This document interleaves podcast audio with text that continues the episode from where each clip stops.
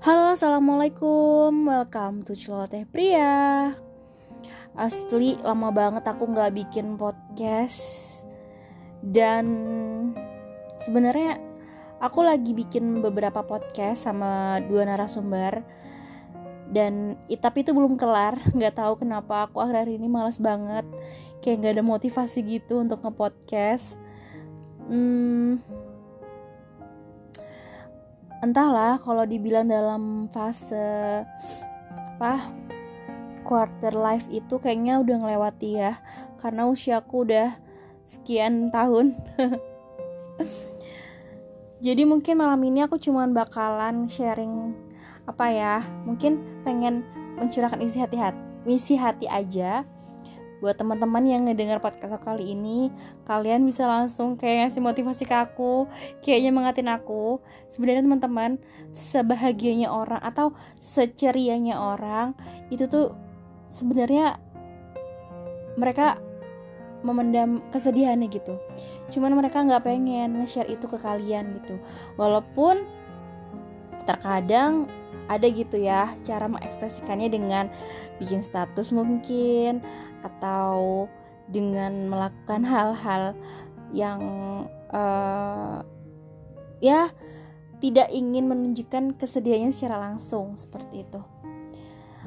Kalau kalian dengar podcast aku hari ini atau malam ini atau sekarang gitu ya, please langsung chatting aku dan bilang semangat ya Pril atau semangat ya Mbak. Atau semangat kakak. Karena kadang aku ngerasa hmm, menjadi orang yang menyedihkan. Gimana ya? Nggak tahu sih sebenarnya kita nggak boleh kayak gitu ya teman-teman. Tapi manusiawi lah ya ketika kita berada di berada di titik terendah kita berada kita tuh kita tuh kalau bahasa bahasa Arabnya tuh kita tuh lagi futur gitu kan. Ya kita harus ingat lagi kalau misalnya apa pun yang menimpa kita gitu ya musibah apa pun yang menimpa kita itu pasti Allah itu nggak akan memberikannya melampauin kemampuan hambanya gitu kan. Padahal kalau kita pikir-pikir lagi problematika atau masalah yang kita hadapi itu tidak seheboh atau tidak separah uh, nabi kita gitu ya. Kita nggak sampai dilempar sama kotoran mohon maaf atau diludahi mohon maaf atau dilempari batu kita nggak sampai kayak gitu. Kita cuman kayak dikatain orang tit gitu ya atau kita kayak difitnah.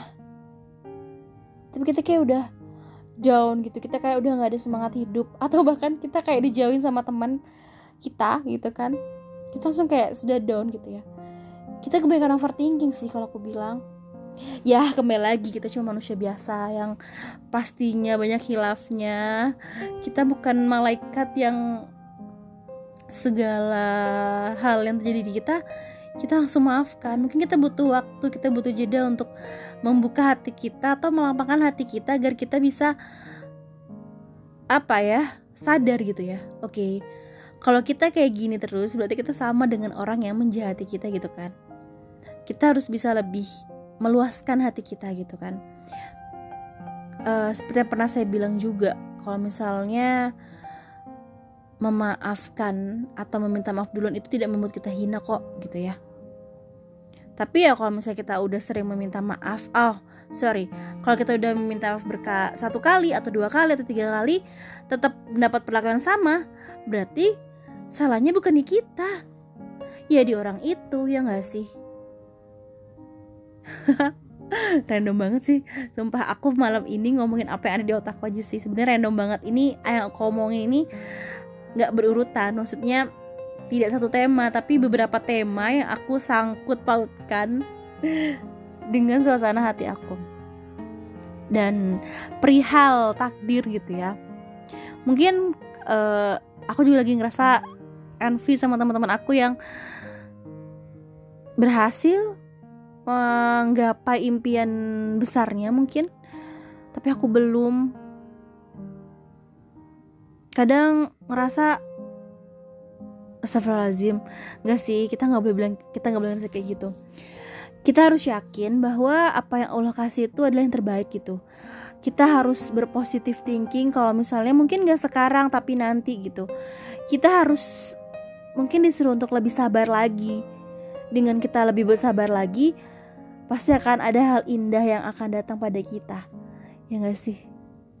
Sabarlah dan kuatkanlah kesabaranmu Begitu kata Allah.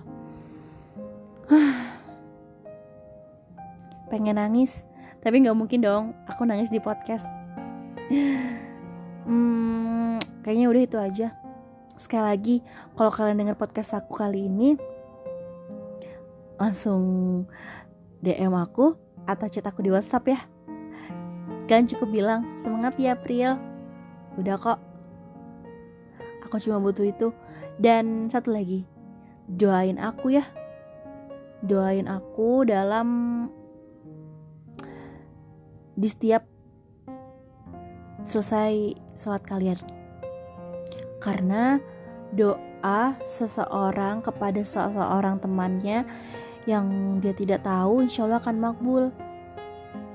Kalau doa itu baik untukku insya Allah akan kembali ke kalian lagi kok udah itu aja deh random banget ya Dah. Assalamualaikum warahmatullahi wabarakatuh.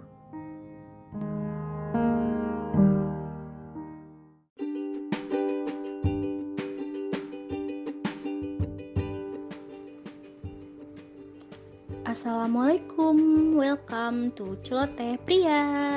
Hmm. Ini podcast yang kesekian, tapi pertama di tahun 2021 lama banget aku nggak ngebuka podcast ini karena entahlah tau sibuk kali. Jadi kalau ibarat rumah podcast ini sepertinya sudah berdebu dan mungkin banyak sarang abal-abalnya. Well uh, di tahun 2021 ini seperti yang kita tahu bahwa kita masih berada di masa pandemi ya guys walaupun mungkin Indonesia angka positif COVID-nya tidak setinggi di India sana. Dan kita doakan semoga teman-teman kita, saudara-saudara kita di seluruh dunia uh, Allah berikan kesembuhan dan Allah hilangkan virus-virus COVID di muka bumi ini. Amin ya rabbal alamin.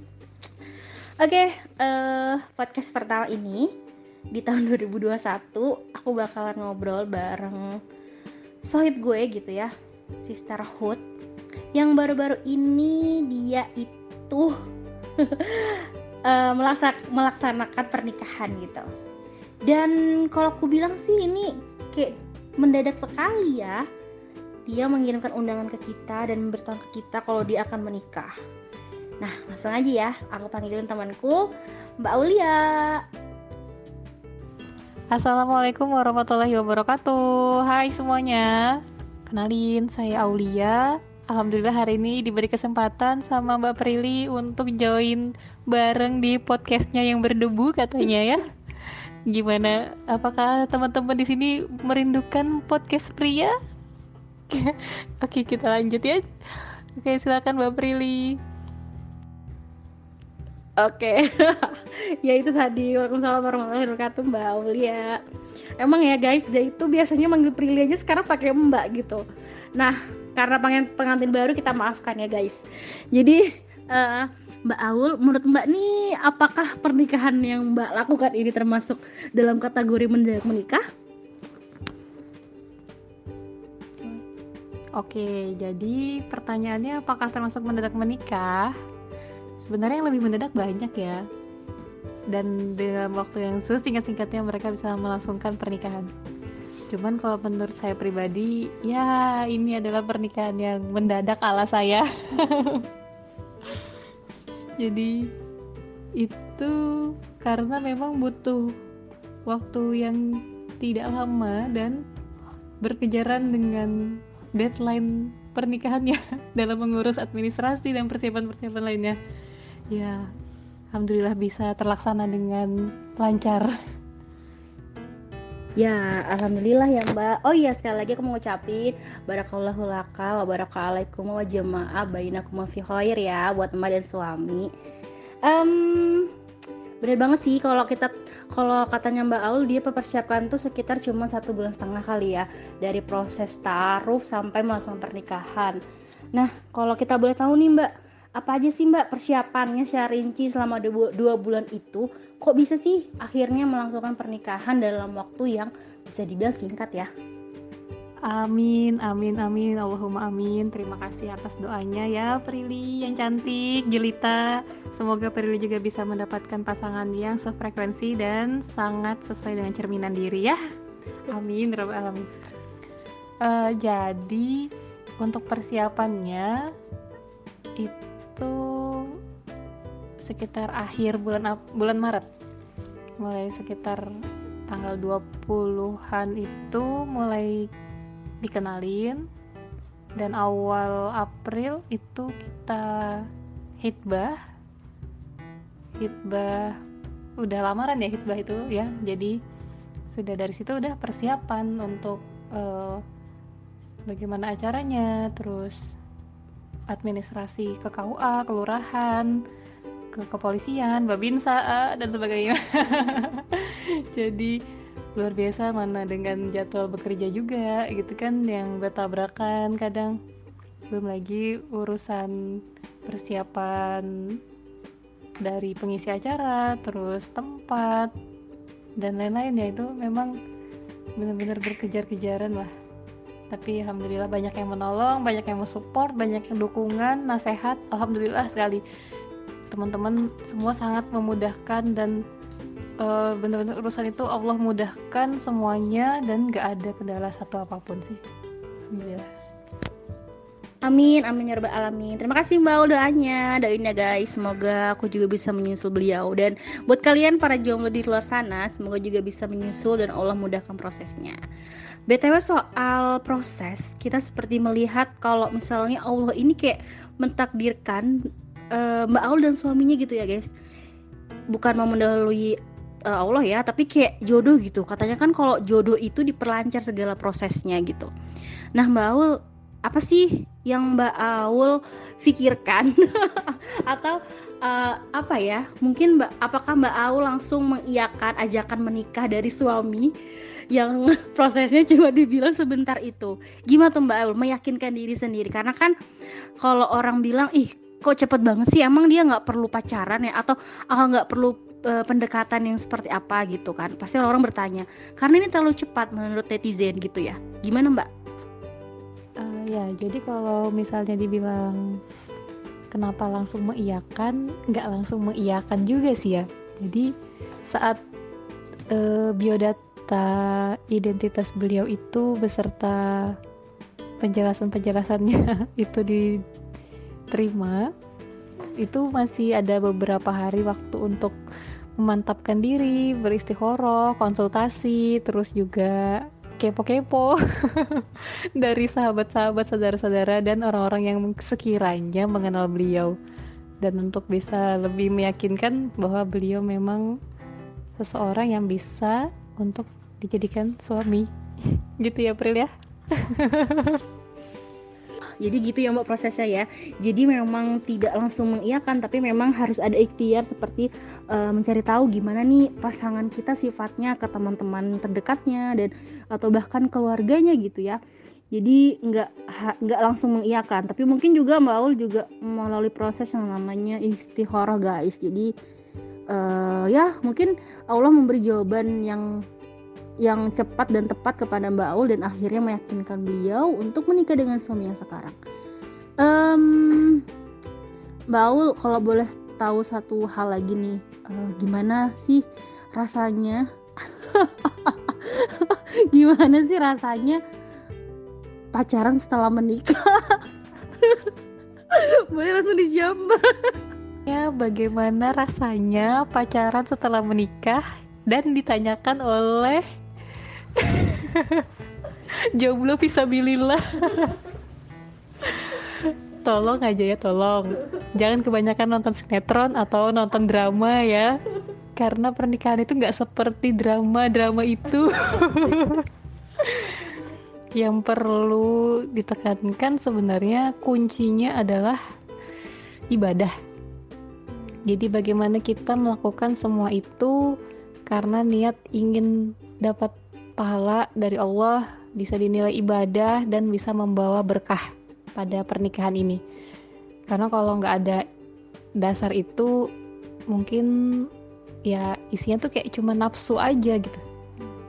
Ya jadi tidak sama ya antara kenapa tidak sama gitu antara yang pacaran sama yang menikah. Karena memang kalau pacaran ya mungkin ada niat baik ya tapi tetap aja e, nafsu bisa jadi lebih dominan. Sedangkan kalau menikah mungkin karena sudah memiliki jadi efek untuk tantangan yang bisa bikin penasaran itu mungkin sudah nggak ada karena sudah beneran dapet nih.